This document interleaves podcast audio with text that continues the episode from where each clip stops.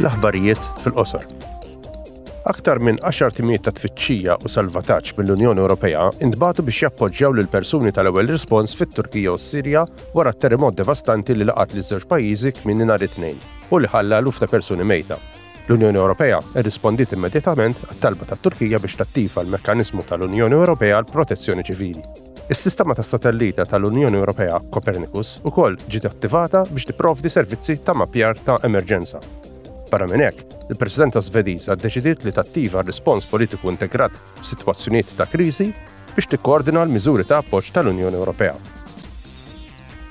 Għada l-Kumitat tal-Industrija, r-Riċerka u l-Enerġija se jadotta l-pożizzjoni tiegħu dwar proposta li tiffaċilita l-bidu tal-użu ta' gassijiet rinnovabbli u b'livell baxx ta' karbonju fis-sistema tal-enerġija. L-għan huwa li niġġieldu t-tibdil fil-klima billi niddekarbonizzaw is-suq tal-gass tal-Unjoni Ewropea u nagħtu spinta lis-sigurtà tal-enerġija. Iż-żgħażagħ kollha li għandhom bejn is-sittax u t-tletin sena jistgħu jieħdu sehem fil-ħames edizzjoni tal-Avveniment Ewropew taż-Żgħażagħ. L-avveniment se jsir fi Strasburgu fid-9 u l-10 ta' Ġunju. Il-parteċipanti se jiddiskutu u jaqsmu ideat dwar kif il-futur tal-Ewropa għandu jissawwar. Hemm ippjanati kważi 200 attività, inklużi dibattiti, diskussjonijiet, opportunitajiet ta' networking, spettakli artistiċi, sports u workshops interattivi.